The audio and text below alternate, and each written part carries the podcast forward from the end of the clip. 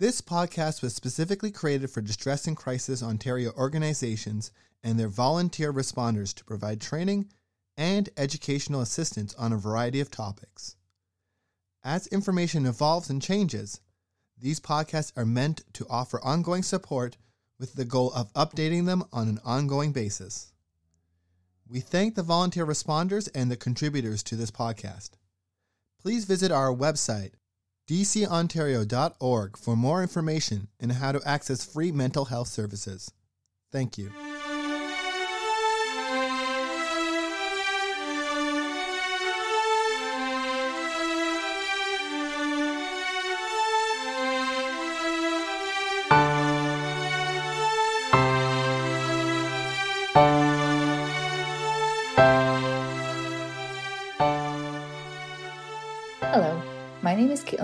And I'm a program manager at Distress and Crisis Ontario. Thank you for choosing to listen to our podcast. The past two weeks, we have focused on New Year's resolutions, goal setting, and how to navigate the trans theoretical model's stages of change, which is a useful model to understand when setting any behavior changing goals. This week, as a continuation of sorts, we're going to be talking about self care, especially since most goals that are oriented towards self improvement contain an element of self care in some way. I think it's important to note right away that the self care I'm talking about isn't just bubble baths, scented candles, and mindfulness. Not that any of those things are bad, but an overarching ability to care for one's own health, mentally and physically. The information in today's podcast comes from the International Self Care Foundation, or ISF, a registered UK charity with a global focus. ISF believes that self care needs to be an integral part of people's lives and integrated into families, communities, organizations, and society. But with many different elements involved and being outside the concern of current health and social systems, self care has in the past lacked a champion. The ISF has therefore been formed to champion self care around the world. In practical terms, this involves helping to develop evidence based self care concepts and practices and helping to promote the role of self care in health. If you would like to learn more about the ISF, you can visit their website at www.isfglobal.org. On their website, the ISF shares an 11 point manifesto for self care. By definition, a manifesto is a published declaration of the intentions, motives, or views of the issuer, be it an individual, group, political party, or government. So, not everyone may share the same views, but it's such a strong description of what self care should encompass that I thought parts of it should be included in this podcast. I'll be sharing points one through seven, as they are what encompass the importance of individuals practicing self care. One, self care is a practical, person centered set of activities that we should all be undertaking to maintain our health, wellness, and well being.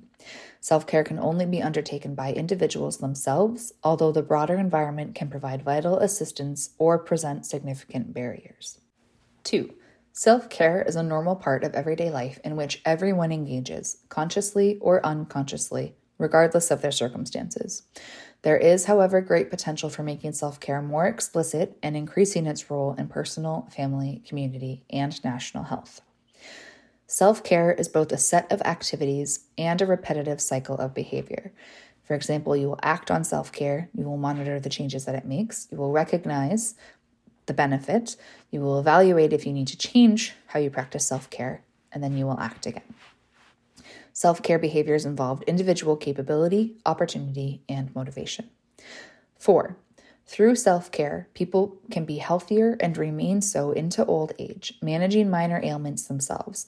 They can also better manage, delay, or even prevent the appearance of so called lifestyle or non communicable diseases such as heart attacks, strokes, diabetes, and many cancers. Five, Self care does not mean no care from other sources, nor does it imply that people are simply left to look after themselves without external support. Rather, an overarching aim of self care is to move people away from unnecessary dependence on health professionals and health systems, enabling them, with the appropriate support tools and knowledge, to take better care of themselves. 6. Self care is equally relevant for disease prevention and for people with medical conditions, when all the basic elements of self care still need to be undertaken, along with self management actions specific to the disease. And seven, The primary beneficiary of self care is the self carer, but other beneficiaries include family members and overstretched healthcare systems. To help people understand what represents self care, the ISF developed seven pillars of self care, each with a specific domain of care attached to it. Pillar one of the seven pillars is knowledge and health literacy, which includes theoretical knowledge and understanding of health, disease, and self care. The World Health Organization, or WHO, defines health literacy as representing the cognitive and social skills which determine the motivation and ability of individuals to gain access to, understand, and use information in ways to promote and maintain good health. Health literacy is important because people with strong health literacy skills enjoy better health and well being, while those with weaker skills tend to engage in riskier behavior and have poorer health. Good health literacy skills allow an individual to interpret the information they are given about health, to find and use their own sources of health information, and to understand when information is poor or misleading. At its most basic, health literacy refers to the ability of a patient to understand the information given to them by healthcare professionals. This information can be confusing, complex, and is not always designed for a non clinical audience. One of the most important aspects of health literacy is that it allows a patient to interpret information, whether written or verbal, and understand it. Beyond this, improving an individual's health literacy allows them to seek out information about any aspects of their health or lifestyle that they want to know more about. This may range from the simple, such as using a search engine to find information about a new diagnosis, to the complex, such as finding information to design specific exercise regimens or understand the genetic basis of a disorder. Health literacy also enables people to understand the network benefits of self care. For example, regular toothbrushing and flossing will prevent periodontal or gum disease, but has also been shown to produce some forms of heart disease. Exercise is not only good for fitness, but can also reduce the risk of Alzheimer's disease, and so on. Health literacy also helps individuals to distinguish bad information from good. Modern societies perhaps inadvertently tend to promote unhealthy lifestyles, and often do so in ways that are more prominent or easier to access than information regarding healthier choices. An example would be the abundance of advertising for fast food during primetime television versus the more scant public health messages advertising good food choices. Improved health literacy helps people to recognize this and interpret it appropriately. Poorer health literacy has been shown to result in less healthy choices, riskier behavior, less self management, poorer overall health, and more hospitalization. Lack of health literacy at a broader level significantly drains human and financial resources in the health system. People are not able to realize their health potential unless they can control the factors that determine their health, and health literacy is one of the strongest predictors of this control.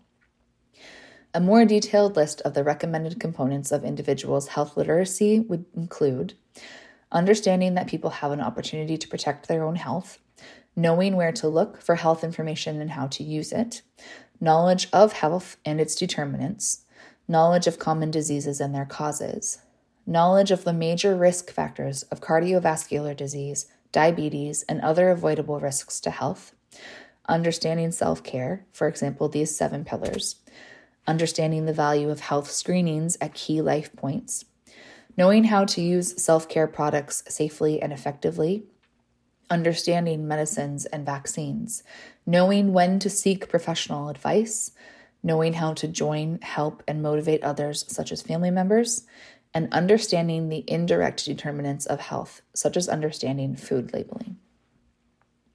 Pillar two is mental well being, self awareness, and agency. There are many different definitions of mental well being, but they generally include areas such as life satisfaction, optimism, self esteem, mastery and feeling in control, having a purpose in life, and a sense of belonging and support. The WHO defines mental health as a state of well being in which every individual realizes his or her own potential, can cope with the normal stresses of life, can work productively and fruitfully, and is able to contribute to her or his community. The positive dimension of mental health is stressed in WHO's definition of health as contained in its constitution. Health is a state of complete physical, mental, and social well being, and not merely the absence of disease or infirmity. Self awareness is the personal, practical application of an individual's health knowledge to their own health situation. In other words, health literacy combined with the internalization of knowledge. This may involve personal or professional assessments, reference to records and tests. The result is a baseline assessment of their mental and physical state, that is, an individual's health capital or health status, quote unquote, scorecard. Agency is the capacity and the intention of an individual to take action based on their knowledge and awareness of their particular situation and condition, physical and mental. Self awareness and agency are important because they provide the basic starting position for all future self care activities. Everyone has some positive health capital, and it is important to identify these areas of strength. Over time, improvements in health can then be registered against this baseline. Secondly, it allows an individual to identify and act on areas needing improvement.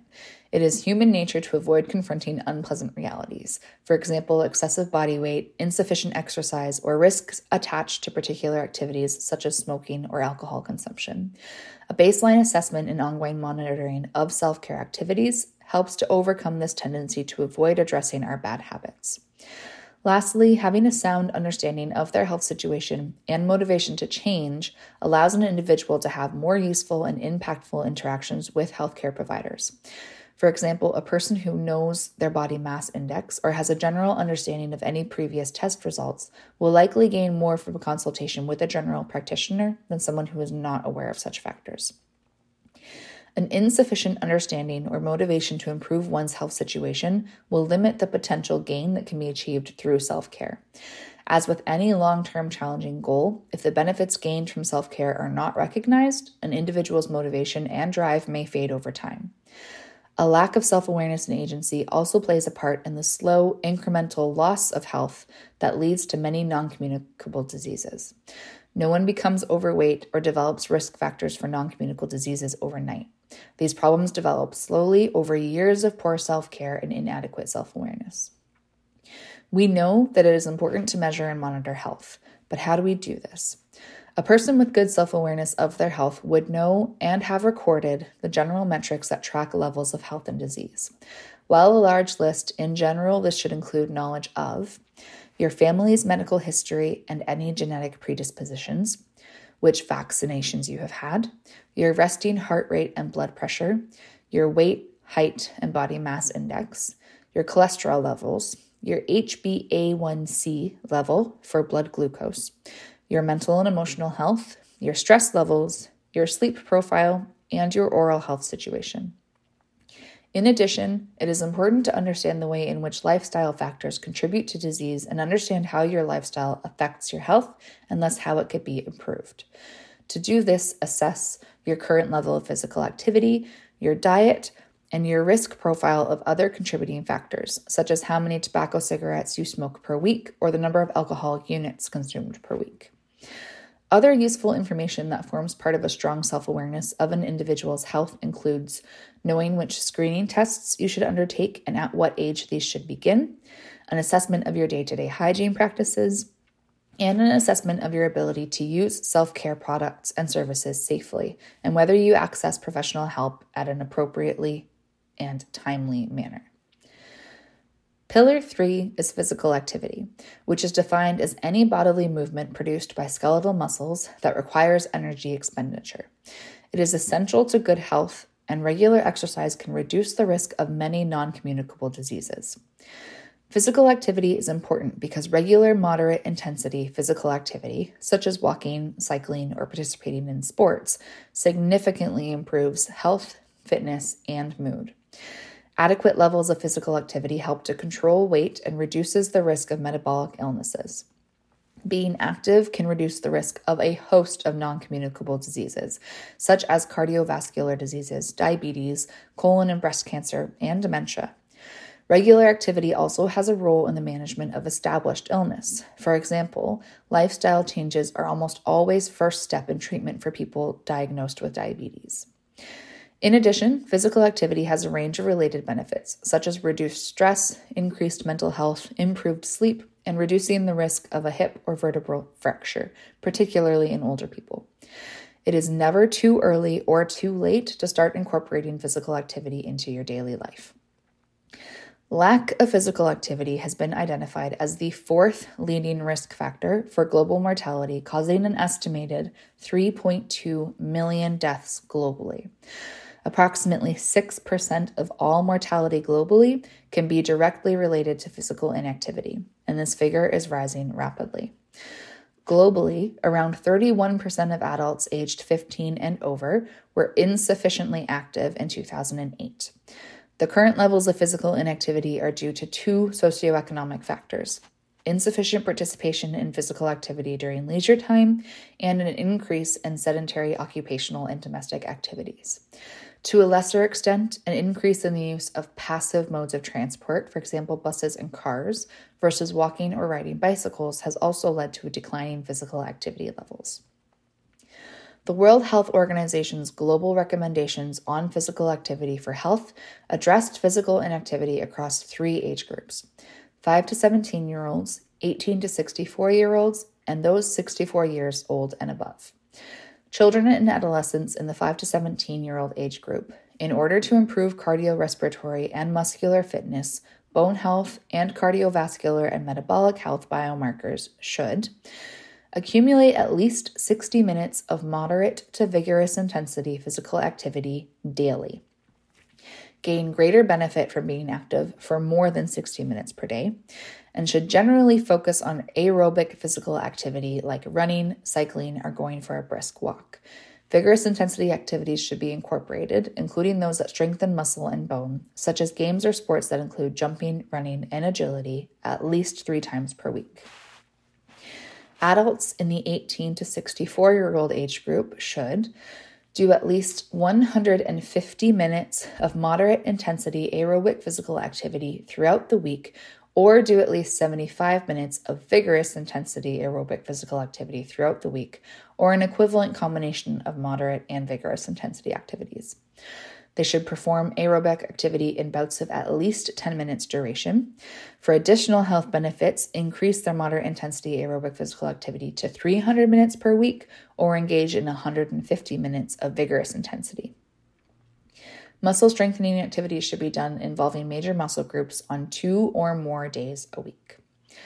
Adults aged 65 years or older should, to improve cardiorespiratory and muscular fitness, bone and functional health, and reduce the risk of non communicable diseases, depression, and cognitive decline, do at least 150 minutes of moderate intensity uh, aerobic physical activity throughout the week, or do at least 75 minutes of vigorous intensity aerobic physical activity.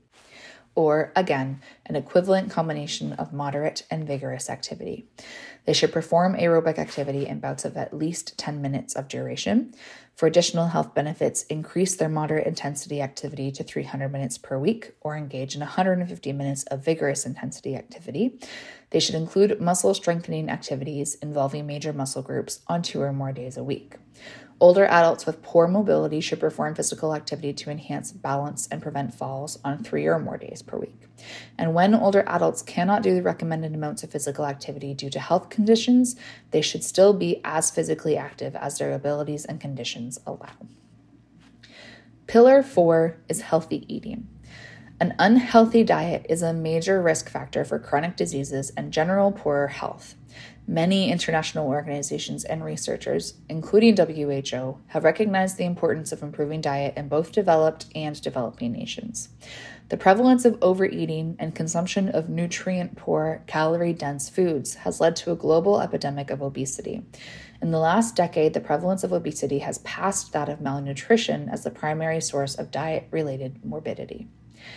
Healthy eating is important because diet is considered one of the two primary risk factors for non communicable disease alongside physical activity. Maintaining a healthy diet has been repeatedly shown to have preventative benefits, reducing the risk of many non communicable diseases.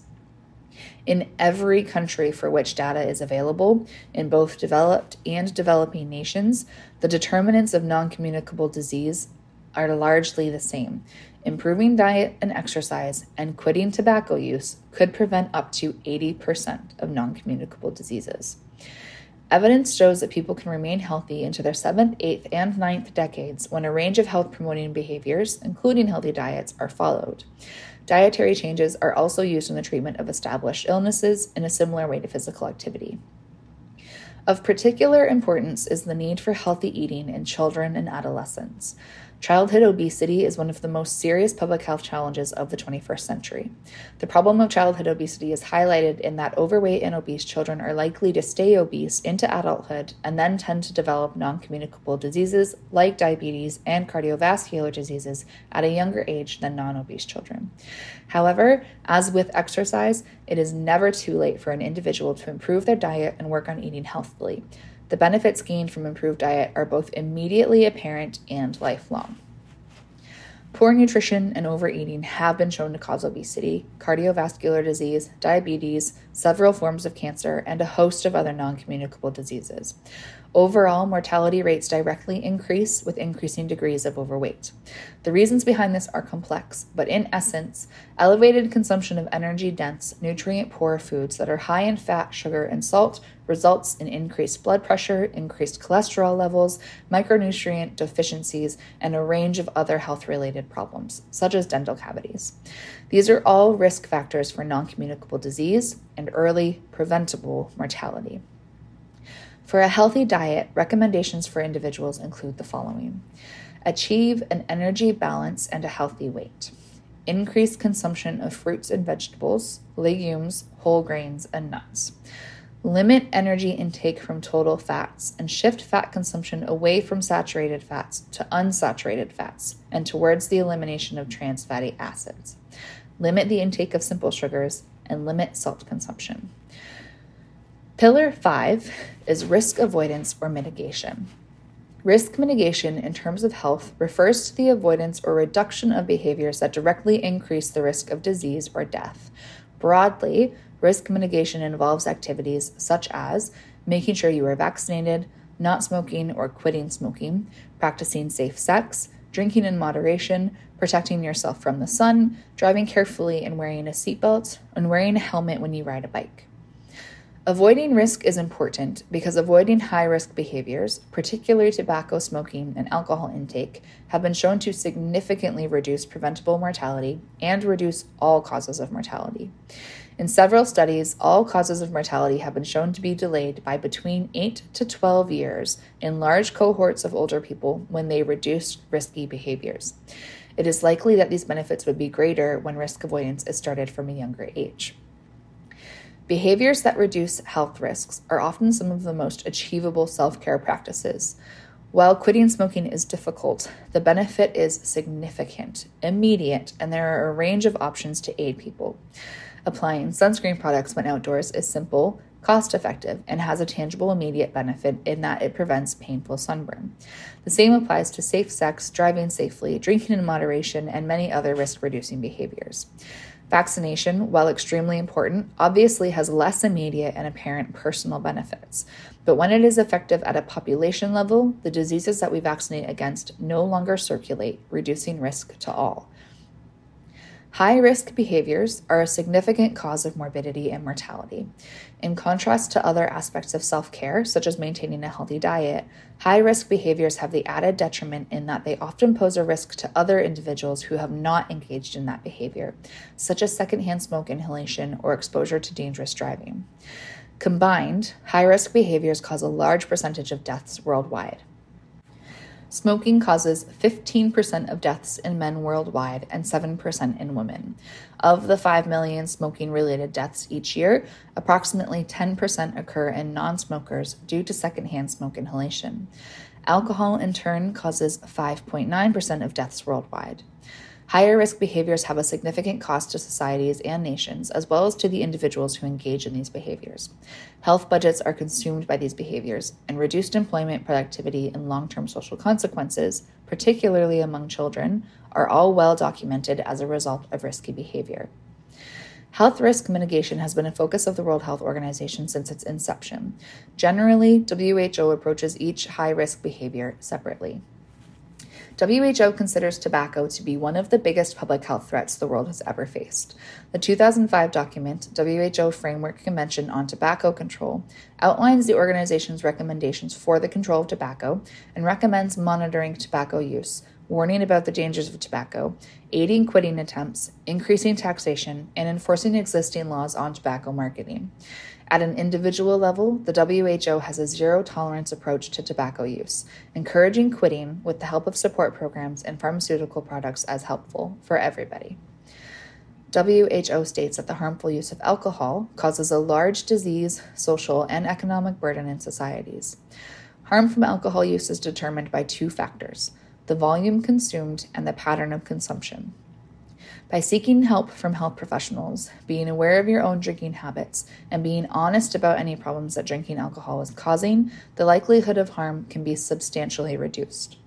The safe use of alcohol is controversial, but it is generally recommended that less than 150 to 200 grams of pure alcohol be consumed a week, although this varies between countries. The WHO document Global Strategy for the Prevention and Control of Sexually Transmitted Infections outlines their recommendations for practicing safe sex. There are more than 340 million new cases of treatable sexually transmitted infection each year worldwide the vast majority of which would be prevented by use of latex condoms and other simple, safe sexual practices, such as timely treatment of existing STIs and increased sexual education. The WHO Strategic Advisor Group of Experts on Immunization states that immunization is a proven tool for controlling and eliminating life threatening infectious diseases and is estimated to avert between 2 and 3 million deaths each year. It is one of the most cost effective health investments with proven strategies that make it accessible to even the most hard to reach and vulnerable populations. Stay up to date with vaccinations and know when new vaccination or booster doses are required. The WHO also has recommendations on limiting exposure to sunlight. Overexposure to sunlight is widely accepted as the underlying cause for harmful effects on the skin, eye, and immune system, and is the primary cause of skin cancer. Four out of five cases of skin cancer could be prevented by avoiding UV damage. The WHO recommends avoiding midday sun, monitoring of local UV indexes, use of shade, wearing protective clothing, applying sunscreen, and avoiding tanning salons and sun lamps. Pillar six is good hygiene. Hygiene refers to the conditions and practices that help to maintain health and prevent the spread of diseases. Good hygiene, therefore, includes a specific set of practices associated with this preservation of health. For example, maintaining a clean living and working environment, sterilization of drinking water, hand washing, and preventing the spread of communicable diseases. At an international level, water sanitation and lack thereof remains one of the most significant components of communicable disease spread. In developed nations, water sanitation is generally satisfactory, and hygiene practices at a personal level are more important, such as regular hand washing and food safety practices. Good hygiene is important because having access to good sanitation increases health, well being, and economic productivity. Inadequate sanitation impacts individuals, households, communities, and countries. At an individual level, practicing good hygiene reduces the risk of communicable illness spread, protects the people around you, limits certain forms of non communicable disease, such as dental cavities, and reduces the economic burden of preventable illness. For example, less days off sick and reduced healthcare spending. Hand washing is probably the most important hygiene practice that individuals can engage in. It is one of the simplest yet most effective health behaviors. Proper food preparation is another simple intervention that can reduce communicable disease spread. Most severe diarrheal illnesses in developed nations, such as Salmonella, Giardiasis, and Campylobacteriosis, are associated with unsanitary food preparation. Care when using uncooked food and then proper cooking greatly reduces the risk of these illnesses. In total, 2.4 billion people do not have access to adequate sanitation facilities, and approximately 1.1 billion do not have access to an improved water supply. The result is that approximately 2 million people die from diarrheal illnesses annually. The majority of these deaths are in children aged under five years. Even in developed nations where water supply and sanitation facilities are largely universal, a significant percentage of communicable diseases could be prevented by improving personal hygiene behaviors. Most diarrheal illnesses and respiratory illnesses can be reduced by following proper hygiene practices. The WHO's primary concern surrounding hygiene is providing clean water and sanitation in developing nations. At an individual level, hand washing remains the most important recommended behavior in developed nations. Regular washing of hands with soap and water for 20 seconds, followed by thorough drying, is universally recommended. Other important hygiene practices include proper food handling, regular oral health care, particularly brushing twice daily and flossing at least once daily, and when feeling unwell, good self care hygiene practices include covering the face or mouth when coughing or sneezing. The seventh and final pillar is rational and responsible use of self care products and services. The rational and responsible use of health products and services as part of self care involves individuals safely and effectively managing their health and everyday ailments or minor conditions, where appropriate, with medicine, products, or services. Self care products and services are the quote unquote tools of self care, supporting health awareness and healthy practices and may include the use of prescription medication, non prescription medication, preventative health products like dental care, mosquito netting, and sleeping aids, natural health products, traditional medicines, and vitamins, minerals, and supplements, devices and diagnostics, for example, home blood pressure monitors, substance control products like nicotine gum for tobacco quitting, wellness services such as nutrition planning or gym memberships, and health services like acupuncture, chiropractic services, and smoking quitting programs. Rational and responsible use of these products or services involves several factors. Firstly, only products and services of safety, quality, and efficacy should be used to self manage health and wellness. Secondly, when treating an illness, Products and services are best used for self recognizable conditions and for chronic or recurrent conditions following initial medical diagnosis. Rational and responsible use of products and services is important because the correct use of health products and services, these tools of self care, is an important element of maintaining health and wellness. Rational and responsible use of products or services can delay or prevent the development of many conditions and encourages greater independence in managing any illness that does develop. Understanding why and what products a person should use has been shown to strongly empower patients, increase quality of life, and improve self perceived health. The impact of healthcare products and services is often underestimated. For example, adequate use of a fluoride containing toothpaste, flossing, and fluoridation of drinking water can prevent the vast majority of dental cavities. Yet, 60 to 90% of adolescents and almost 100% of adults are affected by dental issues. Commonly available wellness services are similarly effective. Enrollment in a group exercise program, which are now regularly offered through gyms and health centers, has been shown to significantly improve strength, cardiovascular fitness, cognitive function, prevent falls, and increase overall self perceived health. Poor or improper use of health products and services can be associated with various types of risks. It is possible that with more people undertaking self care and being more self aware, levels of hypochondria, sometimes referred to as health phobia or health anxiety, may increase. Hypochondria is an excessive preoccupancy or fear of having a serious illness. A person measuring their own blood pressure once a week or once a month is undertaking responsible self care. A person measuring their blood pressure five times a day is not. The risks associated with medicines are well known and can include overuse, misapplication, the use of excessive dosages, prolonged duration of use, inappropriate use of antimicrobials, often in inadequate dosage for non bacterial infections, drug interactions, and polypharmacy. Irrational use of medicines is a major problem worldwide. WHO estimates that more than half of all medicines are prescribed, dispensed, or sold inappropriately, and that half of all patients fail to take them correctly. The overuse, underuse, or misuse of medicines results in wastage of scarce resources and widespread health hazards. There may be concern that self care could aggravate these risks, but information and education and appropriate consultation with healthcare professionals can help to manage this. Some recommendations for medicine use would be to always read the directions on the label and leaflet and any other information you get with your medicine. Follow instructions. Are there other medicines, foods, or activities, such as driving, drinking alcohol, or using tobacco, that you should avoid while using the medicine? Have the pharmacist or doctor explain anything you do not understand. Call your doctor right away if you have a serious side effect or if a side effect does not get better.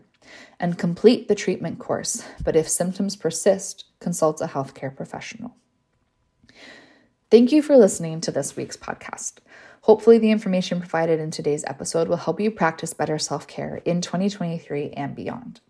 As always, if you need support related to today's podcast or with anything going on in your life, ONTX and our member centers are here. You can find your nearest center, many of whom operate 24 7, by visiting our website at www.dcontario.org forward slash locations. And ONTX's online chat feature can be accessed from any page of our website using the Looking for Support sidebar. ONTX is available from 2 p.m. to 2 a.m. Eastern Standard Time daily and can also be accessed by texting the word support to 258 258. If you have any feedback on the podcast or would like to request future content, please do use the link in the show notes to fill out our feedback form. We would love to hear from you. Thank you again for listening. I hope you have a great week and join us again next time.